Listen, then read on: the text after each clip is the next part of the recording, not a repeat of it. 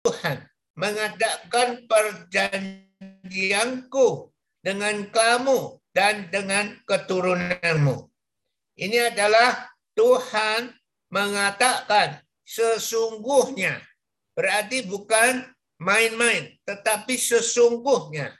Aku Tuhan mengadakan perjanjianku Tuhan dengan kamu dan dengan keturunanmu. Yaitu dengan Nuh dan dengan keturunan Nuh. Dan dengan segala makhluk.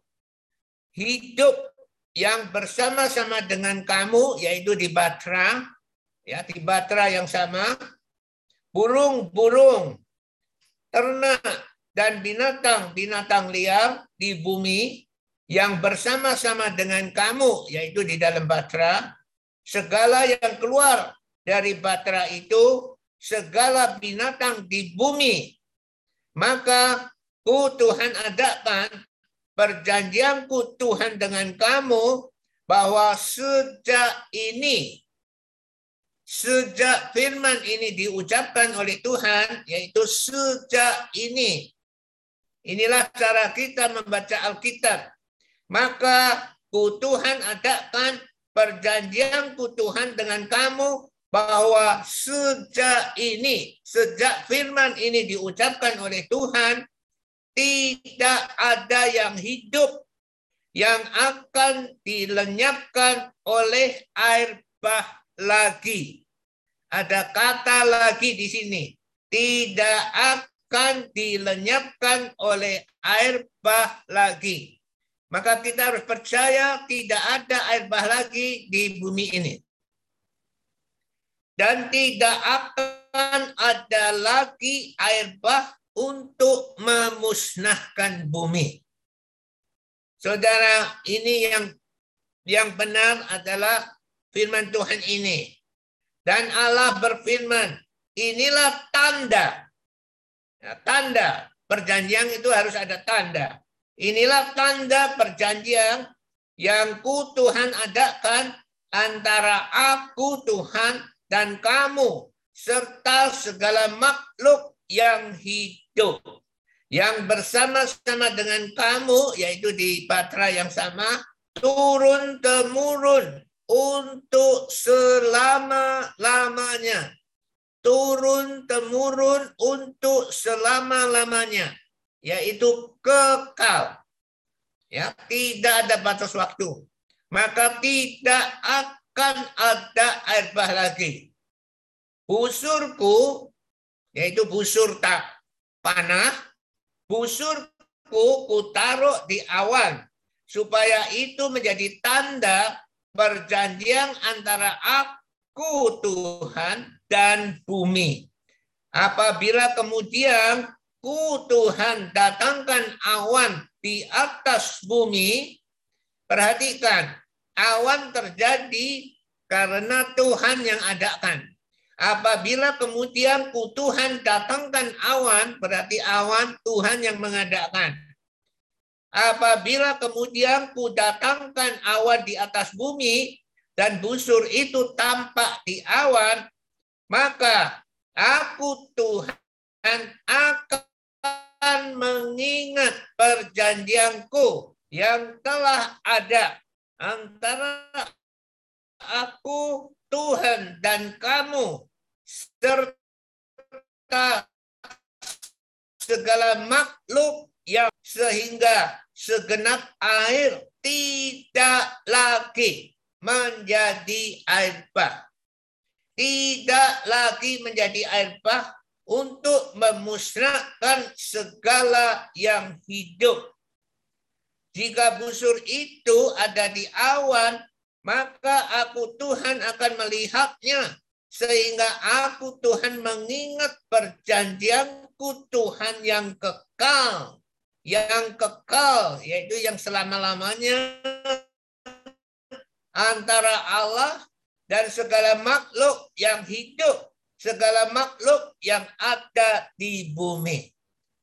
Berfirmanlah Allah kepada Nuh, inilah tanda perjanjian yang ku Tuhan adakan antara aku Tuhan dan segala makhluk yang ada di bumi. Maka dari perikop ini, kejadian pasal 9 ayat 1 sampai 7, kita bisa mendapatkan bahwa Tuhan sangat menghormati Nuh. Maka judul khotbah hari ini, Tuhan memberi pewahyuan kepada kita adalah karena Nuh. Karena Nuh, saudara catat ini judul khotbah, karena Nuh busur Tuhan ditaruh di awan. Busur Tuhan ditaruh di awan supaya menjadi tanda perjanjian yang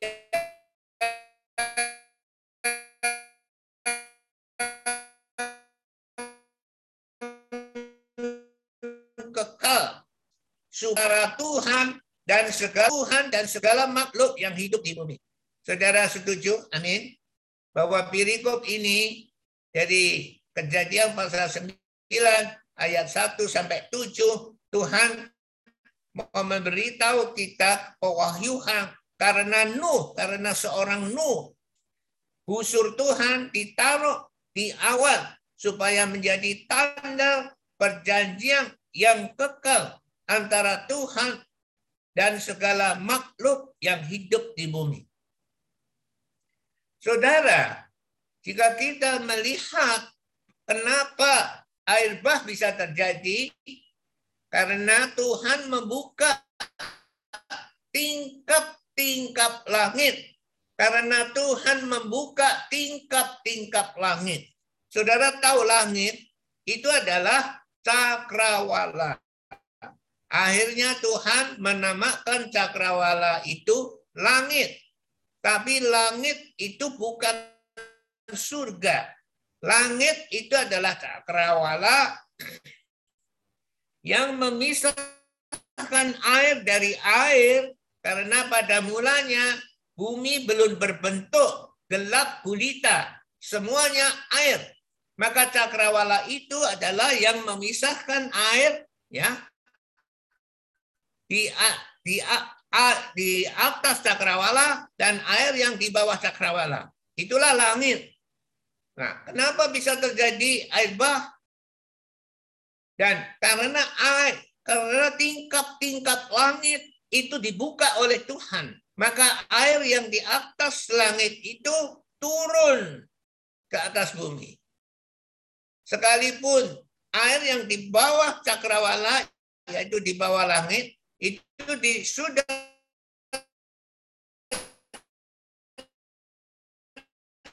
dikumpulkan di cekungan-cekungan global itu dan masuk ke cekungan-cekungan. Nah, cekungan-cekungan itu ada puluhan ribu meter ya dalamnya.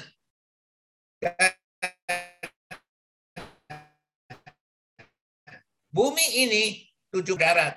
Maka dan keran keran yang ada di samudra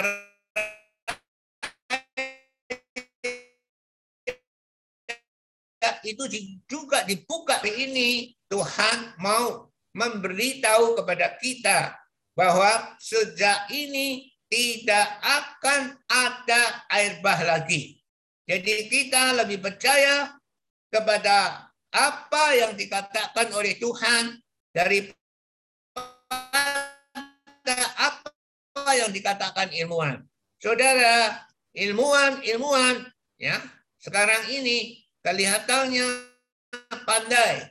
Dia menafsirkan bahwa bumi ini ya suhu bumi ini sudah naik dua atau tiga derajat Celcius.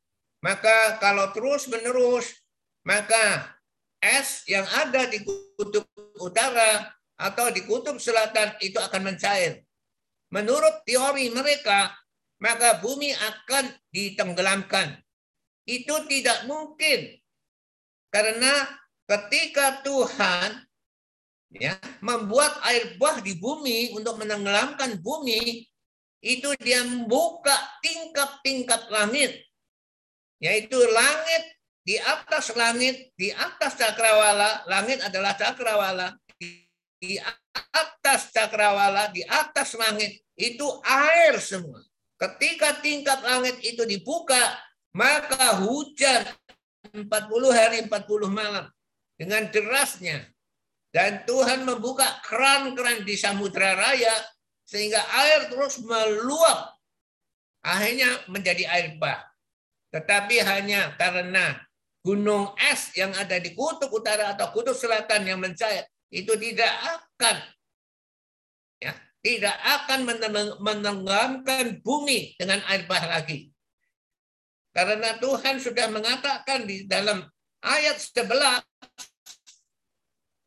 maka ku Tuhan adakan perjanjianku dengan kamu bahwa sejak ini, bahwa sejak firman ini, ini cara kita membaca Alkitab, bahwa sejak ini tidak ada yang hidup yang akan dilenyapkan oleh air bah lagi. Dan tidak akan ada lagi air bah untuk memusnahkan bumi. Jadi saudara harus percaya kepada Alkitab tetapi Alkitab pernah mengatakan di kitab Ibrani bahwa Tuhan akan menghanguskan bumi. Tuhan akan menghanguskan bumi. Bukan melenyapkan bumi dengan air bah, tetapi menghanguskan bumi. Maka suhu yang naik dua atau tiga derajat, mungkin besok bisa naik ke 10 derajat, itu mungkin terjadi. Maka di dalam Matius 3 ya, di situ disebut ayat 11 dan seterusnya bahwa Yohanes Pembaptis mengatakan, "Aku membaptis kamu dengan air, tetapi dia yang datang kemudian yang lebih besar daripada aku, dan aku membuka tali kasutnya pun tidak layak." Dulu budak yang paling rendah pekerjaannya adalah membuka tali kasut. Aku membuka tali kasutnya pun tidak layak. Dan ia akan membaptis kamu dengan roh kudus dan api. Kau akan dibaptis dengan api. Saudara, mengerti ini? Jadi Alkitab ini dari depan sampai belakang itu sambung menyambung. Tidak dibagi, itu perjanjian lama sudah tidak ada hubungannya. Kalau tidak ada perjanjian lama, bagaimana ada perjanjian baru? Bagaimana kita bisa mengurutkan antara perjanjian lama dan perjanjian baru? Dan perjanjian lama dan perjanjian lama ke yang baru itu diilhami oleh Roh Kudus. Mari kita kembali ke 2 Petrus 1 supaya saudara benar-benar percaya kepada Alkitab. 2 Petrus 1 ayat 21. Dan supaya saudara mengingat firman ini, menghafalkan firman ini, dan sam, jangan sampai diombang-ambingkan oleh kepercayaan orang. Atau oleh pengetahuan ilmuwan-ilmuwan. Di dalam 2 Petrus 1 ayat 21 di situ disebut disebut sebab tidak pernah perhatikan tidak pernah. Saudara sudah tahu artinya? Kalau sudah saudara sudah sampai SD kelas 5, saudara bisa tahu arti tidak pernah. Apalagi saudara sudah lewati SMA, lewati fakultas. Sebab tidak pernah nubuat, yaitu berbicara mewakili Tuhan. Tidak pernah nubuat dihasilkan oleh kehendak manusia. Oleh kehendak manusia. Tetapi oleh dorongan roh kudus. Oleh dorongan roh kudus nama Allah. Orang-orang berbicara atas nama Allah. Oleh dorongan roh kudus. Jadi saudara harus mengerti dua Petrus yang nulis adalah Petrus. Dan Petrus menulis bukan karena dia mau mau bicara, tetapi oleh dorongan Roh Kudus. Maka seluruh Alkitab itu adalah firman Tuhan. Jika Paulus menulis banyak kitab-kitab, ya itu karena dorongan Roh Kudus. Dan kalau Musa menulis kitab Kejadian itu oleh dorongan, karena Musa berbicara dengan Tuhan di Gunung Sinai 40 hari 40 malam. Jadi kita harus yakin, yakin, kin, kin bahwa firman Tuhan pada jam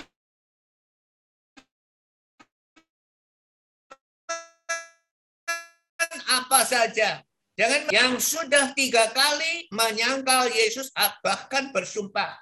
Jadi itu bukan kata-kata Yesus sendiri. Maka itu tidak bisa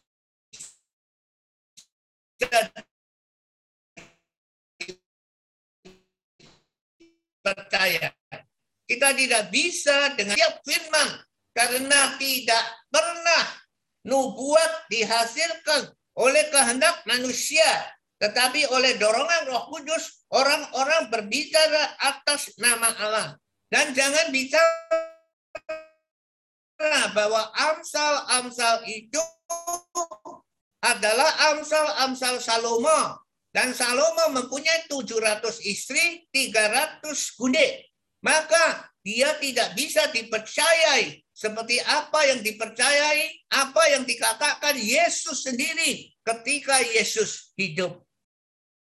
Di sini dengan jelas sebab tidak pernah nubuat dihasilkan oleh kehendak manusia.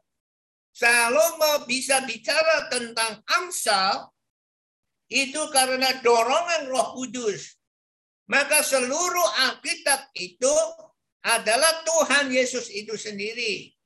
Karena di dalam Yohanes pasal 1 ayat 1 dengan jelas mengatakan firman yang telah menjadi manusia. Siapa Yesus adalah firman yang telah menjadi manusia. Pada mulanya adalah firman, firman itu bersama-sama dengan Allah. Firman itu adalah Allah. Maka saudara, pengertian yang seperti ini itu adalah penting sekali. Dan kita jangan ragu lagi dan mengatakan bahwa perjanjian Tuhan dengan Nuh itu adalah perjanjian lama. Dan kita tidak bisa percaya itu adalah salah besar sekali. Saudara mengerti? Amin. Amin. Maka ingatlah 2 Petrus 3 ayat 21. Entah itu perjanjian lama, entah itu perjanjian baru, itu adalah firman Tuhan. Itu adalah Tuhan Yesus sendiri. Dan saudara, ini adalah penting sekali. Dan Tuhan Yesus sudah memberi kriteria kepada kita di dalam Yohanes 12 ayat 48. Injil Yohanes pasal 12 ayat 48. Barang siapa menolak aku Yesus dan tidak menerima perkataanku Yesus, tidak menerima perkataanku Yesus, ia sudah ada hakimnya, yaitu firman yang telah kukatakan itu akan menjadi hakimnya pada akhir zaman. Maka saudara entah itu jika itu adalah firman Tuhan, kita harus punya iman dan percaya dan taat. Ini adalah sikap kita terhadap firman Tuhan. Dan kita harus jangan ragu lagi, jangan goyang lagi, jangan goyang ke kanan ke kiri lagi, tetapi kita harus tegas Firman Tuhan yang dikatakan adalah ya dan amin. Maka hari ini Tuhan memberi Nuh yang benar karena Nuh yang mau ya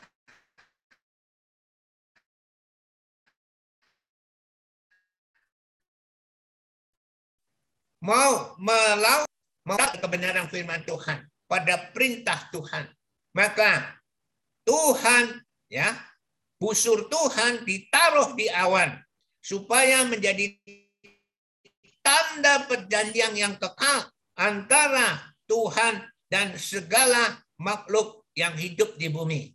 Yaitu sejak ini sejak Tuhan berfirman kepada Nuh, tidak akan ada air bah yang melayapkan bumi ini. Saudara harus yakin itu. Dan yakin itu. Yakin itu. Saudara, jika saudara mau menjadi garam dan terang, saudara harus percaya. Tetapi dunia ini sok pandai. Berapa minggu atau satu minggu yang lalu, Pastor sempat mengatakan dari jam lap jam 8.15 sampai jam 9.15 malam ada satu hari kita suruh bukan sebagian listrik di dunia itu dimatikan untuk mendukung supaya bumi tidak tambah panas. Takut nanti ditenggelamkan oleh air bah. Saudara, itu hanya hanya kekhawatiran yang sebenarnya tidak perlu dikhawatirkan. Jika kita percaya janji Tuhan sekarang ini, tidak akan ada air bah lagi sejak ini. Jadi saudara, sekarang sudah jelas, amin. Dan saudara jangan ragu lagi bahwa perjanjian lama tidak bisa dipercaya. Perjanjian baru baru bisa dipercaya. Perjanjian lama itu membawa kita pengetahuan bahwa standar Tuhan itu cukup tinggi. Dan tidak ada yang bisa melewati ya yang bisa melewati uh, standar-standar Tuhan.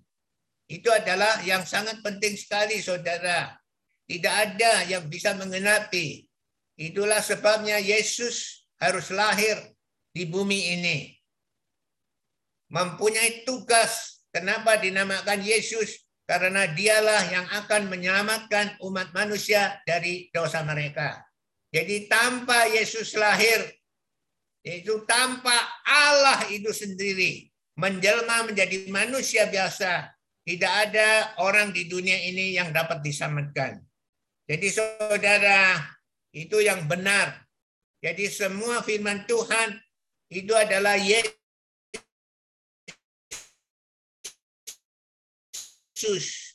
Dan kita harus konteks pada waktu suasana pada waktu itu. Kenapa firman itu diberitakan? Ya, amin. Saudara mengerti ini? Jadi ini adalah penting sekali.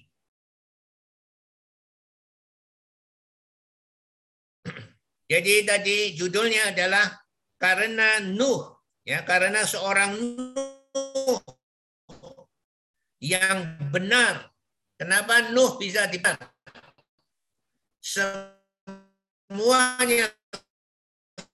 salah, semuanya jatuh dalam dosa dan sebenarnya anak-anak Set itu dinamai oleh Tuhan adalah anak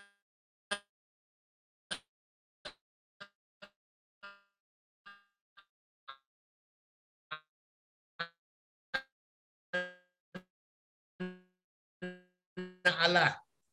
Ini adalah tetapi keturunan mereka menghampiri anak-anak manusia, perempuan-perempuan manusia yang cantik-cantik. Nah, manusia di sini adalah keturunan kain yang telah terkutuk oleh Tuhan walaupun dia cantik-cantik kemarin kita sudah sebut di khotbah yang kemarin tetapi Nuh bisa. Hidup benar dan mau ya. Hidup benar dan mau melawan godaan-godaan itu dan taat kepada Tuhan. Sehingga busur Tuhan ya ditaruh di awal sehingga kita tidak akan mengalami ya pelenyapan pemusnahan dari air bah lagi Inilah berkat karena seorang Nuh yang benar. Ya. Jadi saudara, seorang Nuh yang benar itu membawa berkat ya bagi kita. Apa kelebihan Nuh? Kelebihan Nuh adalah sangat hormat kepada Tuhan. Dia adalah sangat hormat kepada Tuhan. Maka kita lihat di dalam kejadian 6 Kita kembali kepada kejadian 6 Kejadian 6 ayat 32. Ya, kita lihat kejadian 6 sampai 22.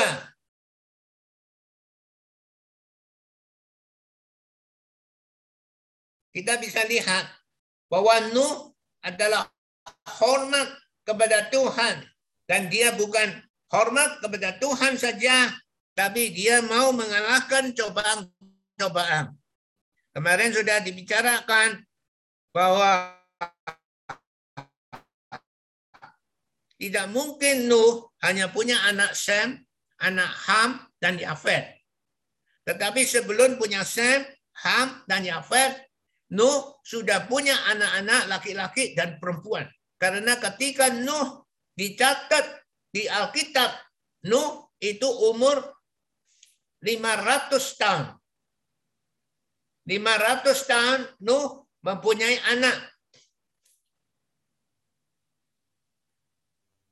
Jadi 500 tahun tidak mungkin Nuh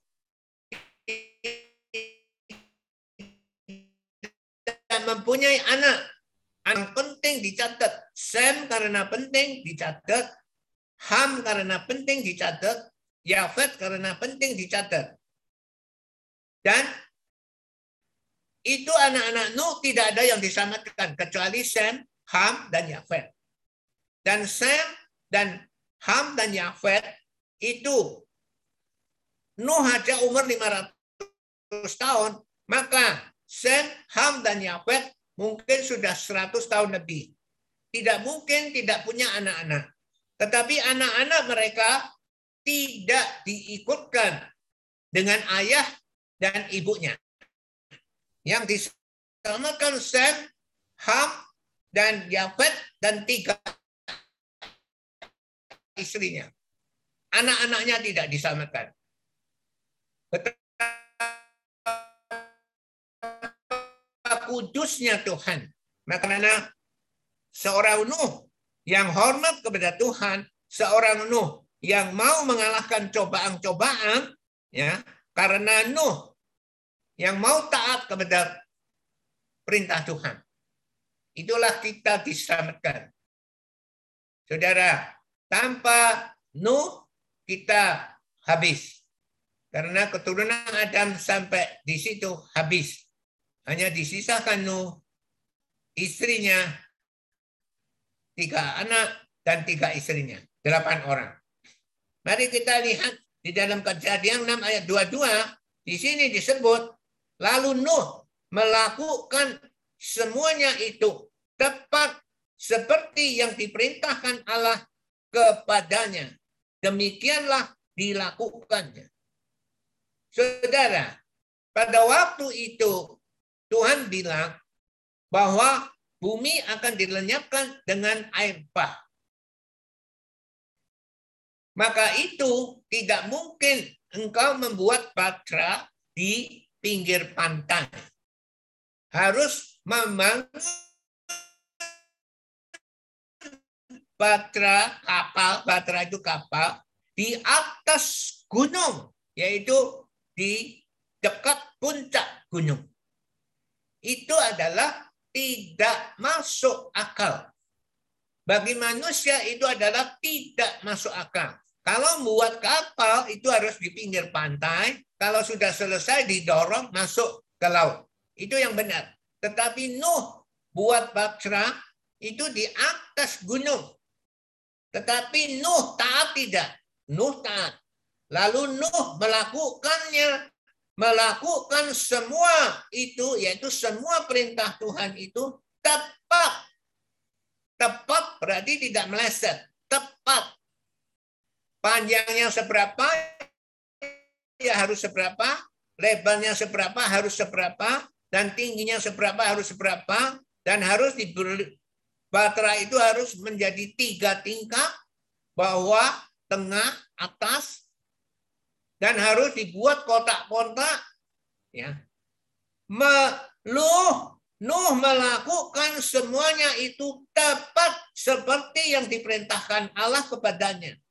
Demikianlah yang dilakukan Nuh. Maka seorang Nuh yang hormat kepada Tuhan, yang mau mengalahkan godaan-godaan yang dahsyat pada waktu itu karena anak-anak Allah keturunan Set sudah tidak peduli nama anak-anak Allah, tidak peduli kekudusan, julukan Tuhan yang berikan pada mereka. Yang penting mereka mengawini perempuan-perempuan cantik dari manusia, walaupun itu manusia adalah manusia yang ter dikutuk oleh Tuhan. Jadi saudara dan Nuh mau taat kepada Tuhan. Maka apa yang terjadi? Yang terjadi adalah Nuh karena Nuh busur Tuhan ditaruh di perjanjian yang kekal antara Tuhan dan segala makhluk yang hidup di bumi. Dan bukan itu saja, mari kita baca lagi di dalam Kejadian 9 ayat 1 sampai ayat 7, bukan itu saja Nuh masih diberkati oleh Tuhan. Mari kita lihat ayat 1 Lalu Allah memberkati Nuh dan anak-anaknya.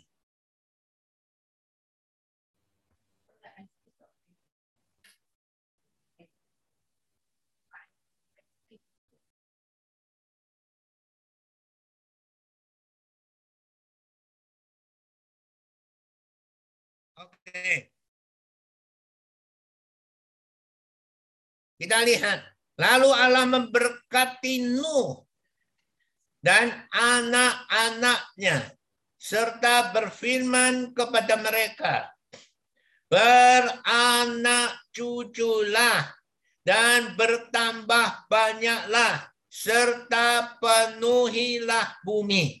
Saudara bayangkan, pada zaman sekarang orang yang punya anak 10 sudah tidak ada lagi.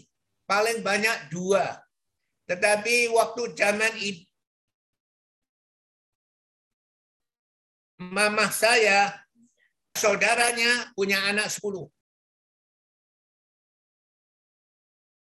Dan saudaranya lagi baru punya anak enam. Itu sudah modern. Dan terus menjadi anak empat. Terus menjadi anak dua. Dahulu adalah tidak seperti ini. Jadi Adam itu punya ratusan bahkan ribuan anak-anak laki-laki dan perempuan. Saudara bisa bayangkan Hawa bisa melahirkan begitu banyak. Itu adalah berkat dari Tuhan. Tapi sekarang tidak mungkin ada orang yang seperti itu. Kalau andai kata Adam hanya punya satu anak, atau dua anak atau tiga anak atau sepuluh anak saja. Apakah bumi apakah bumi ini bisa dipenuhi oleh manusia? Tidak. Sekarang manusia sudah sampai tujuh miliar. tujuh ribu juta orang di bumi ini. Ya. Dari seorang Adam ya dan Hawa mempunyai keturunan akhirnya sampai Nuh ya semuanya dilenyapkan. Ya sisa Nuh sisa istri Nuh tiga anak laki-laki Sem, Ham dan Yafet dan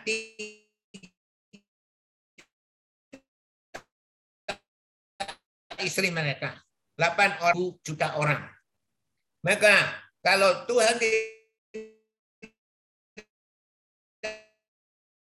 memberkati tidak akan ada manusia yang begitu banyak. Lalu Allah memberkati mereka beranak di hadapan Tuhan itu adalah kudus. Jika itu diberkati di hadapan Tuhan. Pernikahan yang diberkati di hadapan Tuhan, ya hubungan seks mereka adalah kudus bagi Tuhan. Karena Tuhan mengatakan beranak cuculah. Bahkan diberkati tidak akan mandul, pasti punya anak. Dan bertambah banyaklah serta penuhilah bumi. Dan akhirnya bumi penuh. Ada 7.000 juta orang. Akan takut dan akan, ini berkat yang pertama, beranak cucu. Yang kedua, berkatnya adalah akan takut dan akan gentar kepadamu segala binatang di bumi. Perhatikan, akan takut dan akan gentar kepadamu segala binatang di bumi dan segala burung di udara, segala yang bergerak di muka bumi, dan segala ikan di laut ke dalam tanganmu lah semuanya itu diserahkan. Coba kalau binatang tidak gentar kepada kita, tidak takut dan gentar kepada manusia, manusia bisa dihabisi, saudara. Ya, amin. Kalau burung ya tidak takut kepada menangkap ayam atau nangkep kambing dan sebagainya, nangkep manusia. Tetapi Tuhan bilang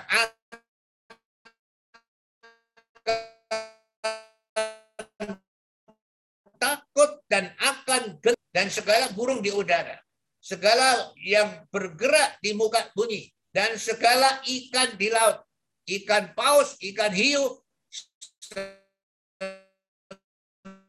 semuanya takut kalau enggak kapal-kapal itu bisa dilenyapkan oleh ikan hiu, oleh ikan paus. Tetapi mereka takut kepadamu yang di bumi. Saudara, ini adalah berkat kedua. Jadi saudara, andai kata memang saudara kecemplung di laut dan tidak ada yang menolong saudara pakai ya pelampung Saudara mengambang di laut. Saudara harus berani. Dalam nama Tuhan Yesus, aku perintahkan segala ikan-ikan yang ada di laut menyingkir daripada aku dan tidak boleh mengganggu aku di dalam nama Tuhan Yesus.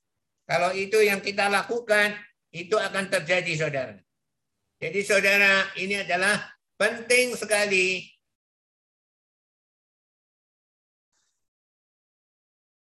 Ini yang berkat kedua.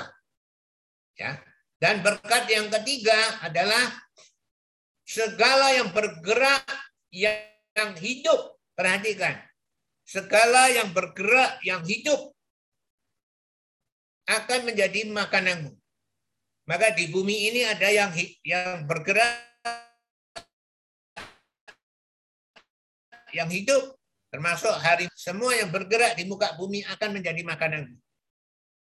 Jadi sejak itu manusia bukan vegetarian lagi. Ini dibandingkan dengan pertama sebelum Adam dan Hawa jatuh dosa, itu beda sekali. Mari kita lihat kejadian satu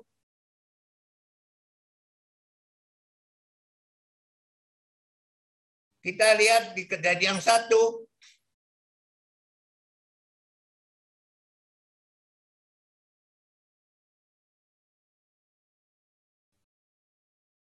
Ayat 31.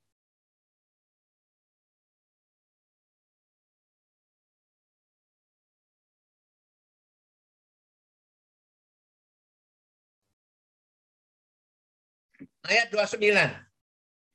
Berfirmanlah Allah, lihatlah. Ini dia berfirman kepada Adam. Waktu Adam belum jatuh dosa. Berfirmanlah Allah, lihatlah aku Tuhan memberikan kepadamu segala tumbuh-tumbuhan yang berbiji di seluruh bumi dan segala pohon-pohonan yang buahnya berbiji itulah akan menjadi makananmu. Sekarang saudara sudah jelas, sebelum jatuh dosa, manusia adalah vegetarian. Jadi aku Tuhan memberikan kepadamu segala tumbuh-tumbuhan yang berbiji di seluruh bumi dan segala pohon-pohonan yang buahnya berbiji itulah akan menjadi makananmu. Jadi sebelum manusia jatuh dosa, manusia adalah vegetarian. Dan bagaimana dengan binatang? Tetapi kepada segala binatang di bumi dan segala burung di udara dan segala yang merayap di bumi termasuk ular ya, yang bernyawa ku Tuhan berikan segala tumbuh-tumbuhan hijau menjadi makanannya. Jadi tidak ada binatang makan binatang. Jadi binatang pun juga vegetarian. Tetapi sampai kejadian sembilan, ya setelah air bah, Tuhan sudah memberkati, yaitu segala yang bergerak, yang hidup akan menjadi makananmu. Aku Tuhan telah memberikan semuanya itu kepadamu. Seperti juga tumbuh-tumbuhan hijau itu tetap diberikan kepada kita. Tapi kita bukan vegetarian lagi. Jadi saudara, ini adalah berkat ketiga. Jadi saudara, hanya Tuhan memberi hanya peringatan. Hanya daging yang masih ada nyawanya. Apa artinya? Yakni darahnya. Janganlah kamu makan. Daging yang ada darahnya, janganlah kamu makan. Maka lebih baik makan daging, makan yang matang. Ya, dibakar atau dimasak atau digoreng. Ya. Tetapi mengenai darah kamu, yaitu darah darah manusia, yakni nyawa kamu, aku Tuhan akan menuntut balasnya dari segala binatang, aku akan menuntutnya jika binatang yang membunuh manusia. Ya. Tuhan akan menuntut binatang itu. Dan dari setiap manusia, aku akan menuntut nyawa sesama manusia. Jika manusia membunuh manusia, maka Tuhan yang akan menuntut manusia itu. Siapa yang menumpahkan darah manusia, darahnya akan tertumpah oleh manusia. Ini harus kita percaya. Ya. Sekarang membunuh bukan dengan pedang, tapi dengan virus bisa membunuh orang. Bahkan bisa jutaan.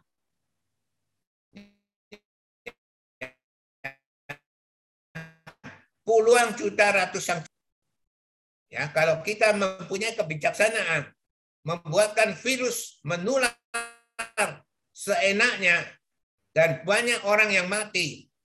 Sekalipun yang mati adalah orang-orang tua, tetapi Tuhan bilang, Siapa yang menumpahkan darah manusia, darahnya akan tertumpah oleh manusia. Sebab Allah membuat manusia itu menurut gambarnya sendiri. Kenapa manusia tidak boleh dibunuh? Karena manusia diciptakan menurut gambar dan rupa Tuhan. Maka jika kita membunuh manusia, kita sedang membunuh Tuhan. Maka itu dituntut oleh Tuhan.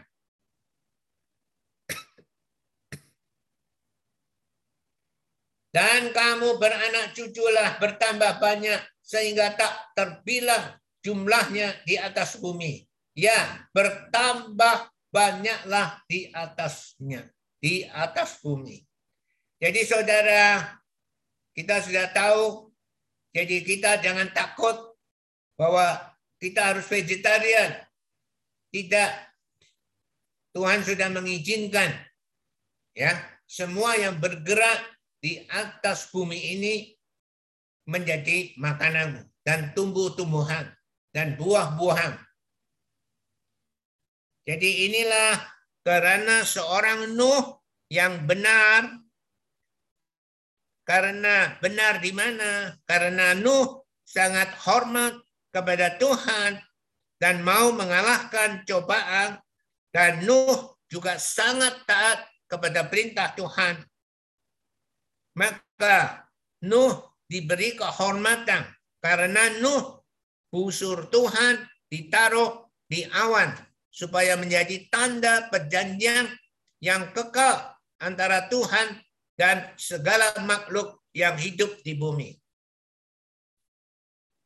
Saudara, maukah kita belajar kepada Nuh? Ya. Hormat kepada Tuhan. Hormat kepada Tuhan adalah hormat kepada firman Tuhan. Kalau kita benar-benar hormat kepada firman Tuhan, maka kita akan serius kepada firman Tuhan. Kalau kita serius kepada firman Tuhan dan kita mau taat pada firman Tuhan, maka kita adalah hormat kepada Tuhan. Maka kriteria kita mengasihi Yesus itu bukan dengan kata-kata, tetapi dengan tindakan kita menyatakan iman kita percaya kepada Yesus. Maka di Yohanes 14 ayat 21 kriteria kita mengasihi Yesus adalah barang siapa memegang perintahku dan melakukannya dialah yang mengasihi aku. Barang siapa mengasihi aku, ia akan dikasihi oleh Bapakku. Dan aku pun akan mengasihi dia dan akan menyatakan diriku kepadanya. Jadi inilah yang perlu kita perhatikan. Tetapi bagaimana jika kita di dalam kerangka pikiran kita, kita tidak pernah menghafalkan firman Tuhan, firman Tuhan. Saya bersyukur kepada Tuhan bahwa begitu. Begitu waktunya saya diambil Tuhan melalui Holy One. Dan begitu karena respon saya begitu ya begitu tetapi jangan begitu yaitu jangan keterlaluan. Walaupun minta empat holenan tetapi hanya dikasih satu holenan saya sudah cukup. Dan saya mau tidak usah diajar orang langsung pada hari itu juga minta anak saya mengantar saya kepada pendetanya untuk dibaptis. Karena saya dengar kalau percaya Yesus akan dibaptis. Sekalipun baptis itu seperti apa, baptis percik atau baptis. Tapi saya dengar kalau ikut Yesus harus dibaptis. Maka saya harus langsung dibaptis. Karena itu Tuhan respon. Karena respon saya yang benar, Tuhan menanggapi. Tuhan memberkati satu berkat yang sungguh luar biasa secara material, material ya. Bahwa pesanan barang saya yang begitu banyak sekali sekalipun sudah ada perubahan kurs dolar dari 1800 menjadi 3.750 rupiah per dolar dibanding dengan 1.800 rupiah per dolar, barang saya tetap dikirim. Dan saya respon, saya mau mengucap syukur dan menyembah Tuhan. Ya. Sampai tertidur. Dan saya diberkati lagi dengan urapan listrik dan saya respon karena sekalipun saya orang ateis, orang yang tidak percaya Tuhan, tetapi apa yang bisa dirasakan, apa yang bisa dilihat, ya, saya tetap percaya bahwa listrik tiga menit di bahu kanan saya ini saya masih ingat, maka saya ambil keputusan mulai hari ini tidak main-main dengan Tuhan Yesus, bahwa Tuhan Yesus itu ada. Bahwa Tuhan Yesus itu sudah naik ke surga.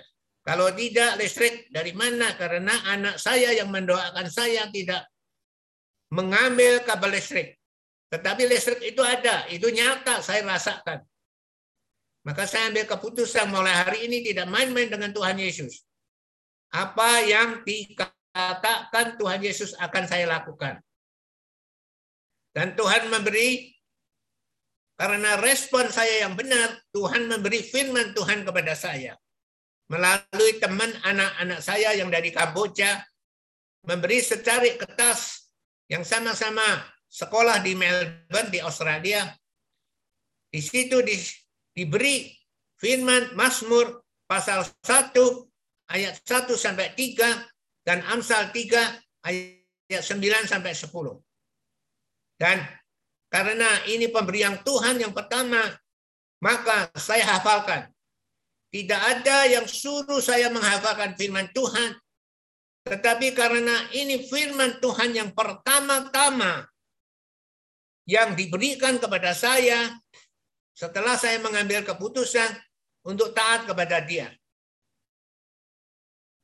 Dan firman Tuhan di Mazmur pasal 1 ayat 1 sampai 3 mengatakan, berbahagialah orang yang berjalan tidak menurut nasihat orang fasik, yang tidak berdiri di jalan orang berdosa, yang tidak duduk di dalam kumpulan pencemooh, tetapi yang kesukaannya ialah Taurat Tuhan. Dan yang merenungkan Taurat itu siang dan malam. Ia seperti pohon yang ditanam di tepi aliran air. Yang menghasilkan buahnya. Bukan yang akan menghasilkan. Tapi pasti yang menghasilkan buah pada musimnya. Dan yang tidak layu daunnya. Dan apa saja yang diperbuatnya berhasil. Saya hafalkan sejak itu. Dan yang satu adalah Amsal 3 ayat 9 dan 10. Muliakanlah Tuhan dengan hartamu dari hasil pertama dari segala penghasilan. Tubuhmu akan diisi penuh sampai melah dan bejana pemerahangmu akan meluap dengan air buah anggurnya. Karena saya hormat dan saya hafalkan. Bukan saya hafalkan Amsal 3 ayat 9 10. Saya laksanakan. Dan sampai sekarang saya terus menghafalkan firman Tuhan. Setiap hari. Setiap hari, saudara. Ya. Kalau menurut umur saya sudah 72 lebih, daya ingat sudah nggak ada, saudara. Saya lupa nama makanan.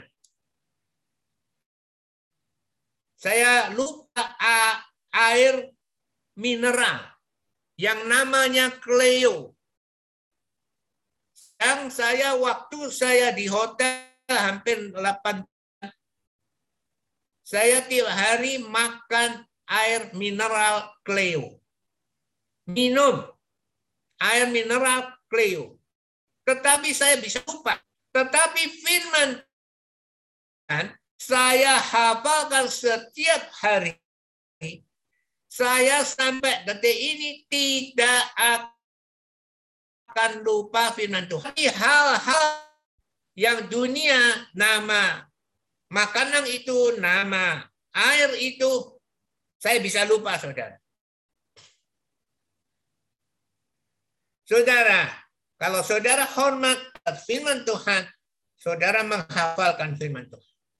Kalau saudara su menghafalkan firman Tuhan dan saudara melaksanakan. Barang siapa memegang perintahku dan melakukannya, dialah yang mengasihi aku Yesus. Jika saudara seperti itu, saudara juga akan diberkati. Keturunanmu akan diberkati. Anak cucu. Ya, saudara. Peser sudah punya cucu. Delapan pertamanya. Peser pikir itu sudah banyak. Tapi kurang komplit. Karena saya mempunyai empat anak. Satu anak belum punya punya anak. Tetapi Tuhan tidak akan mengingkari janjinya. Aku akan berkati keturunanmu.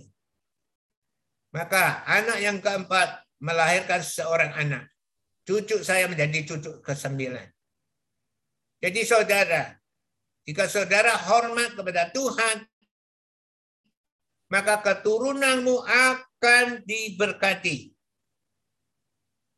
Ya, kita belajar kepada Nuh dan kita harus berani mengalahkan godaan-godaan. Godaan sekarang ini bukan godaan-godaan yang kain mengawin, bukan. Godaan di dunia ini kita harus benar-benar karena kebenaran firman Tuhan yang disampaikan dengan sungguh-sungguh itu sudah sedikit sekali orang yang mau mendengarkan. Tetapi yang disukai adalah yang ringan-ringan. Yang tidak menyangkut kehidupan masing-masing. Yang tidak menusuk ke hati pendengarnya.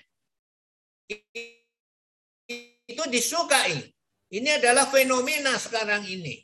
Ya, Kemarin saya karena tes khotbah ini tidak ada yang ada adalah khotbah. Jadi tes khotbah ini saya tidak punya. Tetapi adanya khotbah. Maka saya dengarkan khotbah. Selama satu jam, satu jam setengah. Saya, saya dengarkan satu kali, dua kali.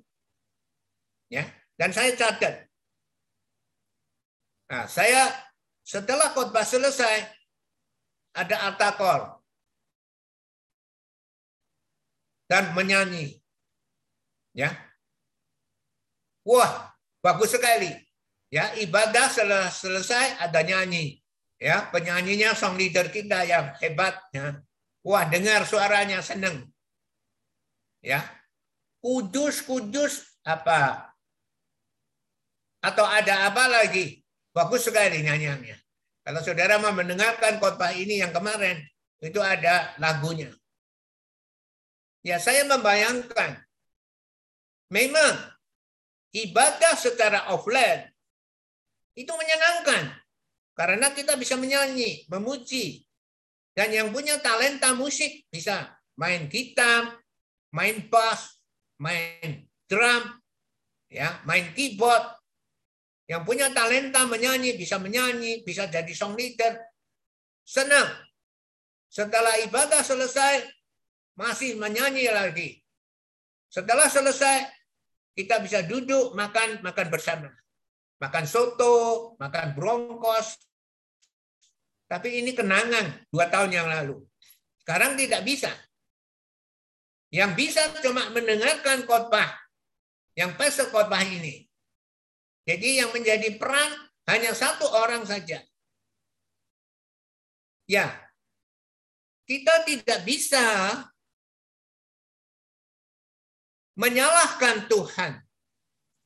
Karena ini dunia sudah mulai hancur menurut keinginan sendiri.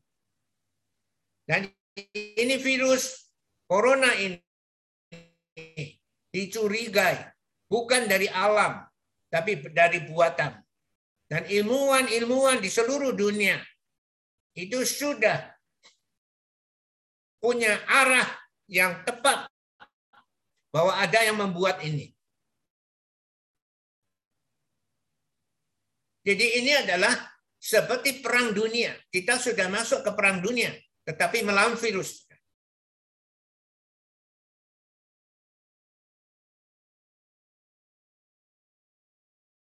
Maka saudara, dan vaksin untuk mendapatkan keuntungan yang lebih banyak.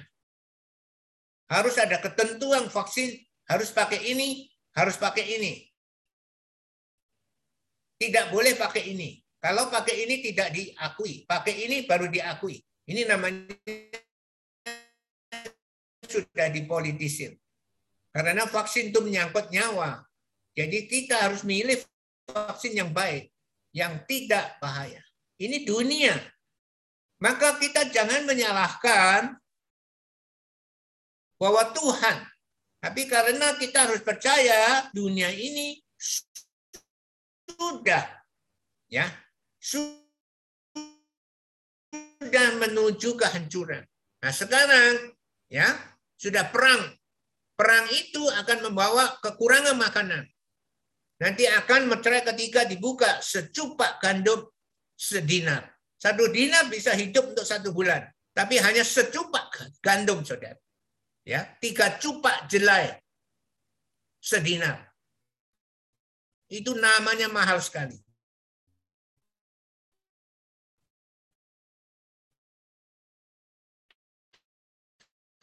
Kita beri makanan, nanti akan ada kelaparan. Ini materai ketiga. Jadi kita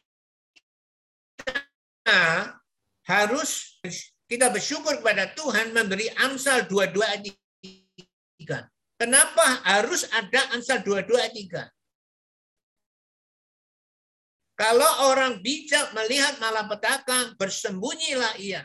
Tetapi orang tak berpengalaman, berjalan terus lalu kena celaka. Pastor tadi kemarin mendengarkan khotbah ada nyanyi. Pastor suka Semangat sekali. Nyanyi itu bagus sekali. Nyanyian itu bagus sekali. Tetapi kita tidak bisa nyanyi karena ludah kita keluar. Kalau kita tertular, kita menular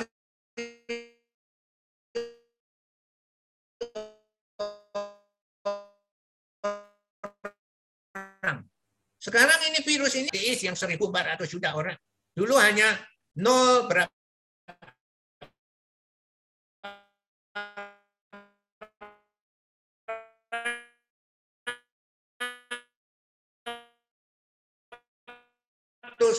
sekarang sudah menular banyak sekali. Ribu, tiga ribu, empat ribu. Kalau di luar tidak usah pakai masker. Tetapi justru tidak berani keluar.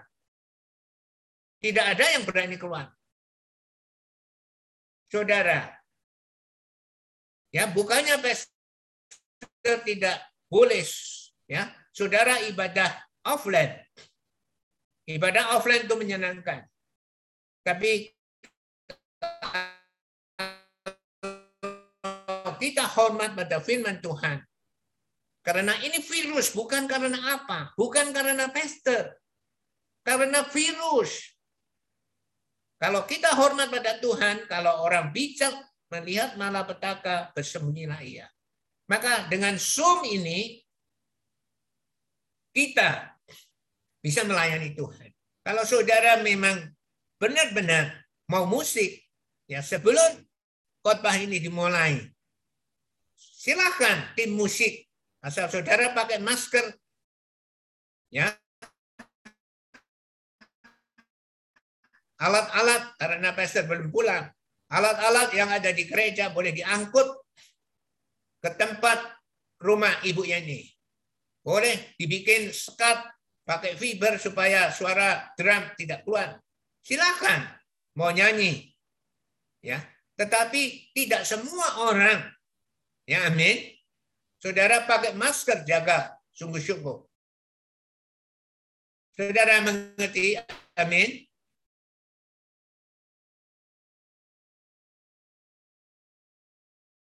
Jadi saudara jangan salah marah pada virus dan marah kepada pembuat virus itu yang mencelakakan dunia ini. Tuntut mereka supaya mereka menjadi tikus yang lewat jalan besar dan dikejar-kejar oleh orang. Jadikan mereka seperti itu yang pembuat virus. Itu yang benar. Tetapi jangan pasuk saudara. Karena memberi firman Tuhan terus Amsal 223. Saudara menjadi benci pada pastor saudara. Itu adalah sangat keterlaluan. Kalau saudara tidak berterima kasih kepada pastor saudara itu pastor sudah tidak apa-apa. Tetapi kalau sewajarnya pastor saudara dengan serius terus mengajar saudara, tidak pernah absen. Harusnya saudara berterima kasih kepada pastor. Harus berterima kasih. Tetapi apa yang saudara lakukan? Benci kepada pastor saudara mulai berontak pada pastor saudara. Kalau tidak offline, aku akan meninggalkan tubuh Kristus ini. Ya apa boleh apa boleh.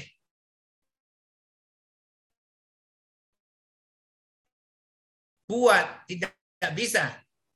Itu adalah hak untuk memilih mendengar firman Tuhan atau melawan firman Tuhan. Saudara, jelas amin. Jadi ini adalah penting sekali sehingga saudara apa arti hormat? Ah, hafalkan firman Tuhan itu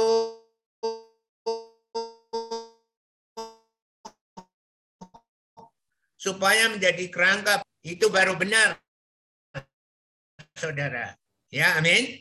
Jadi kalau saudara firman Tuhan aja tidak mau maka saudara yang ada adalah pikiran sendiri. Dan ditambah jika saudara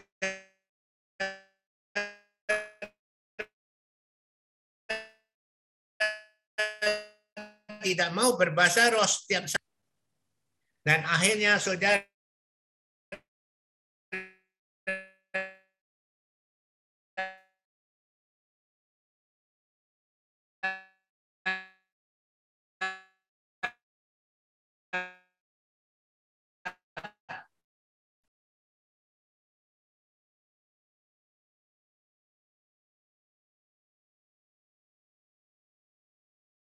tidak mengasihi Tuhan yang sudah begitu baik kepada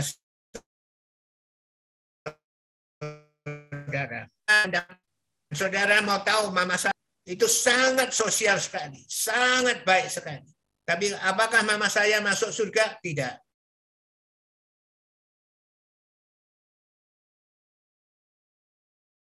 Karena dia belum menerima Yesus. Papa saya lebih baik lagi. Tapi apakah papa saya masuk surga? Tidak. Dan saya besok ke surga tidak ketemu papa mama.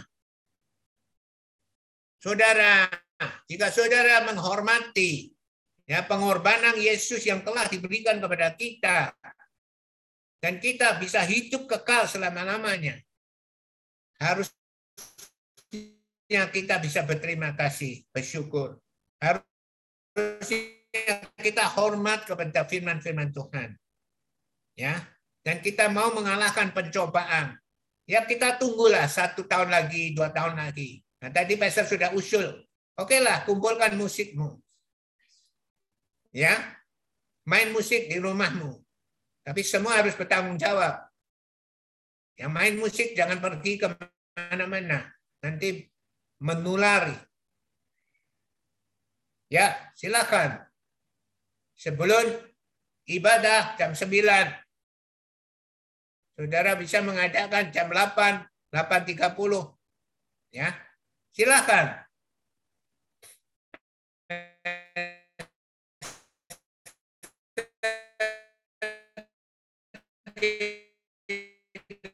melarang saudara. Pastor izinkan semua alat-alatnya boleh diangkut. Mengalahkan pencobaan. Dan sangat taat kepada firman Tuhan. Maka berkat akan memberkati kita, memberkati keturunan kita, anak, cucu, ya, dan sampai seterusnya. Maukah kita belajar kepada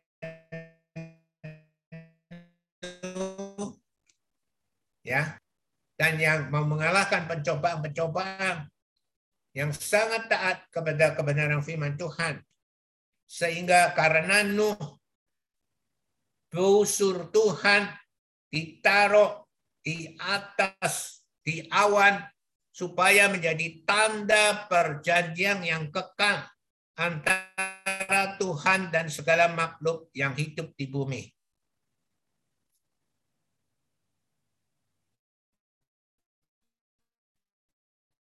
Biarlah kita belajar kepada Nuh. Ya Tuhan, Roh Kudus yang mulia, sungguh berterima kasih kepadamu atas waktu dan kesempatan yang telah kau limpahkan di dalam kehidupan kami anak-anakmu. Dan kami percaya pewahyuan-pewahyuan daripadamu dan jamahang-jamahang lembut daripadamu kepada hati anak-anakmu. Pasti melembutkan hati anak-anakmu sehingga menjadi hati yang baik, hati yang siap ditabur oleh kebenaran firman Tuhan dan siap berbuah-buah di dalam kebenaran firman Tuhan. Ya Tuhan, biarlah kebenaran firman Tuhan yang telah lalu Yesaya pasal 55 ayat 8 sampai 11 kau berfirman sebab rancanganku bukanlah rancangan demikianlah jalanmu bukanlah jalanku. Demikianlah firman Tuhan.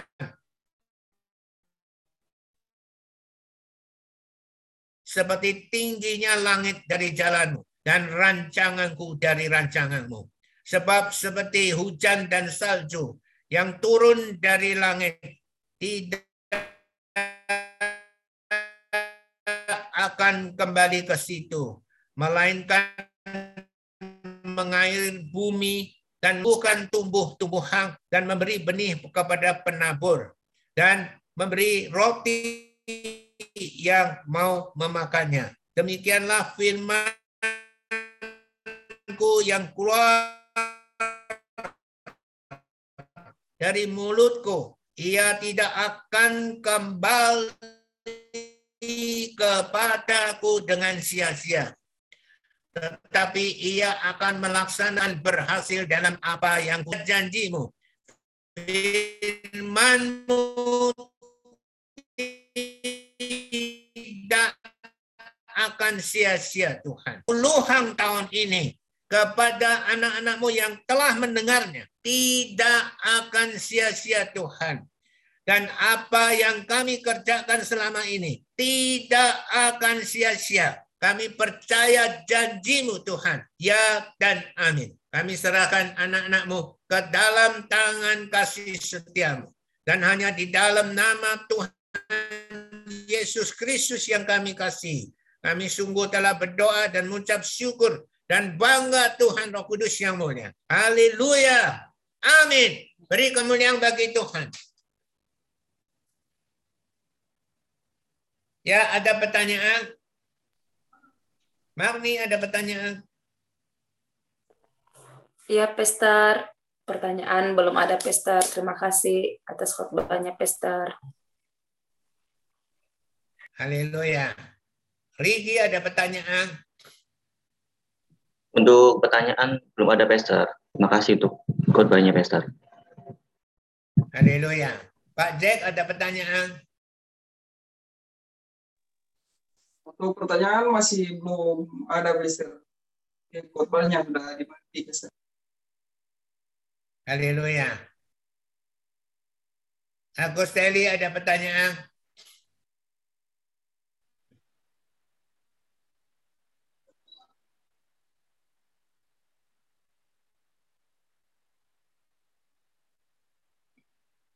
Mama Yohana ada pertanyaan?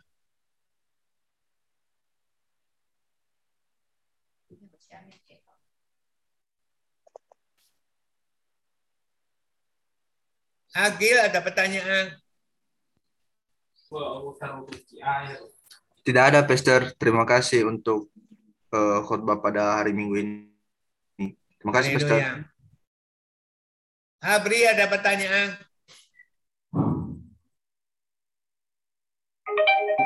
Untuk pertanyaannya belum, Pastor. Sudah cukup jelas. Thank you, Pastor. Haleluya. Ibu Anda ada pertanyaan? Khotbahnya sudah cukup jelas, jadi nggak ada pertanyaan, Pastor. Terima kasih. Haleluya. Noval ada pertanyaan? Belum ada, Pastor. Terima kasih untuk khotbahnya. Haleluya. Agus ada pertanyaan? Tak ada, Pastor. Asih. Amin. Sri ada pertanyaan?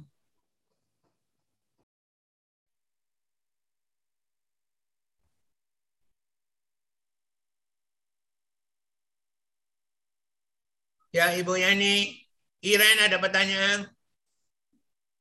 Belum ada Pastor, sudah cukup jelas. Terima kasih Pastor. Haleluya. Ibu Yani mau beri komentar? Belum ada komentar Pastor, semua sudah jelas. Thank you Pastor.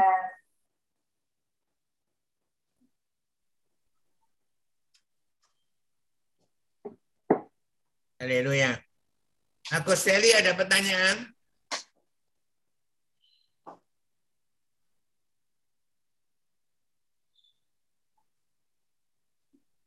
Oke.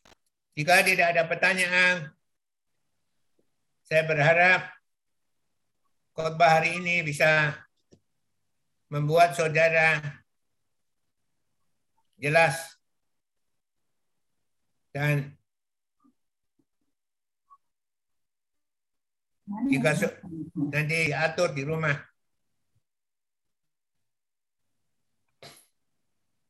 Oke, ini.